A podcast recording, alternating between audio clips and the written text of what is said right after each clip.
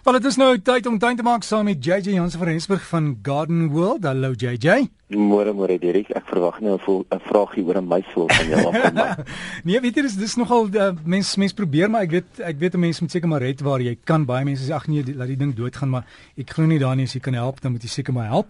O, en definitief. ek sien my my sussie het nou net hierdie SMS gestuur en sy het vir my gesê ek moet vir jou iets vra. Let op 'n kol het hulle 'n boomvaring bekom wat gebreek het. En almal sê maar jy kan hom al weggooi, hy gaan nie groei nie. En toe op 'n manier het hulle die boonste deel in riviersand aan die groei gekry. En toe sê hulle hulle sal vir ons die foto stuur en dan kan jy kyk en lyk my dit kan werk. Is dit waar JJ? Weet jy Derek is eintlik heel interessant met 'n boomvaring is dat die boomvaring se wortelstelsel groei eintlik saam met die plant teen die stam op. So as jy 'n boomvaring oor die algemeen nat maak, moet jy hom nie op die grond nat maak, jy moet hom op die stam nat maak. En dit is hoekom 'n boomvaring eintlik die vermoë het om van enige plek af weer te groei. As hy afgebreek het op sy stam en jy vry kopgedeelte en jy sny al die blare af, jy raak van die las ontslaa, kan jy daai kopgedeelte weer plant en daai wortels wat op die stam self groei, soos ek sê, wat daar uh voorkom, gaan dan die plant weer kan onderhou sodat hy weer kan groei. So ja, dit is nogal heel interessant. Dit is ietsie wat meeste mense net vir jou sal sê, gooi weg. Maar ja, hy kan van daar af weer groei. Baie interessant want baie mense sal dit eintlik sou dit gedink het. Ja, en, en JJ baie van hierdie boomvarings weet hulle hulle is groot en is baie duur is en jy weer moet koop. En as jy hom kan red en veral as dit die inheemses is waar vir die natuurlike lisensie het, ja, dan O, definitief ja. ja, dan kan jy dit doen. Ek stem 100% saam met jou. En onthou mens moet altyd versigtig wees met daai inheemse boomvarings. Mense piep hulle baie keer te veel op en jy vergeet om hulle reg nat te maak en dan vrek hulle ook net so maklik soos die uitheemse is.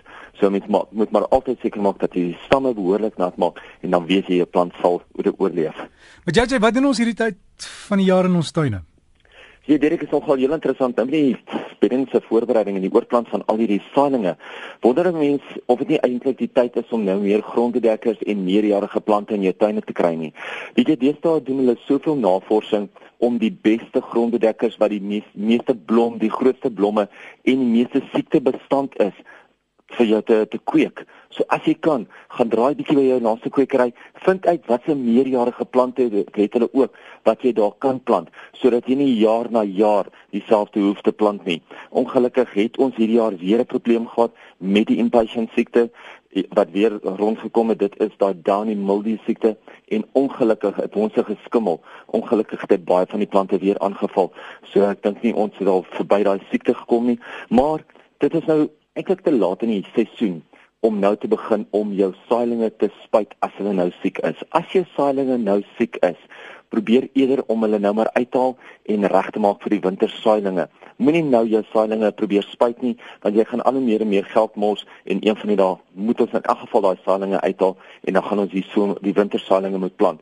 Ek praat nou veral van jou gewone impatiens wat siek is. Ek praat van jou begonias wat daai poeieragtige skimmel op hom het, poeieragtige meeldou raak ontslaa eerder van die plantjies nou en berei jou grond voor sodat 'n mens wel nuwe plantjies kan insit. Iets wat nogal heel interessant is, hoe baie mense sukkel met 'n plante wat nie wil ontwikkel in die grond nie. Ek praat nou van groente, ek praat nou van gewone saailinge, mense wat gewoonlik vinnig ontwikkelende plante plant, maar nie die grond reg voorberei nie. Dit is nou maar net so. Hoe beter jy die grond voorberei, hoe beter gaan daai plante oorleef, hoe beter gaan hulle groei, hoe meer gaan hulle flore- floreer. Dis hoekom ek altyd sê dis so belangrik om genoeg kompos en beenmeel in die grond in te werk as 'n mens jou plante gaan plant. Met jou groenteplantjies kan 'n mens selfs kraalmis daarbey sit. Maar nie net is werk jy dit om vir die kompos, die kraalmis en die beenmeel nie. Jy werk dit ook om om die grond lekker los te kry, want baie keer van die ondergrondse groente, soos byvoorbeeld jou beet en jou wortels, kan nie mooi ontwikkel as daai grond nie lekker los is nie. So maak seker dat jy dit nou lekker losmaak, dit genoeg same kompos, kraalmis, beenmeel gee en dan ook terselfdertyd deurlug jy ook die grond. Dit is die ander ding wat baie mense van vergeet, is dat suurstof in die grond is net so belangrik. Dis hoekom plante baie keer sal wegvrot as hulle te veel water kry of as hulle in water staan. Want nou skielik forceer jy al daai water of al die suurstof uit die grond uit met al die water wat jy gooi. So maak seker dat jy dit reg doen.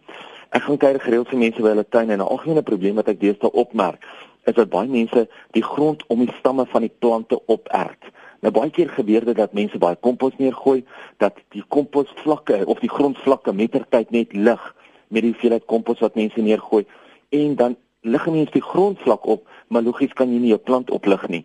Dan erg jy daai grond om die stamme van die plante op, so jy gooi dit om die stamme van die plante en jy dink jy doen goed, maar eintlik intedeel doen jy baie sleg, want daai stamme van die plante kry nou wat hulle noem 'n wortelvrot of 'n stamvrot. Maak seker dat jy jou stamme van jou plante skoon maak. Dit is nie die wortels wat onder die grond moet wees, nie die stamme ook nie. En as jy dit skoonmaak, behandel dit sommer met 'n fungusdoder. Ietsie teen wortelvrot Odion is byvoorbeeld 'n baie goeie voorbeeld van dit wat 'n mens kan gebruik teen wortelvrot fungusdoder en daai stamvrot. Dit het twee goedjies wat gebeur wat ek jou van moet vertel. Die eerste een is natuurlik ietsie wat hier by Gardenwold gebeur. Ons het uh, volgende naweek, volgende Sondag, het ons 'n vertoning hierso met Liz Meyring vir die van julle wat belangstel. Skakel ons asseblief, dan kan julle daar bespreek.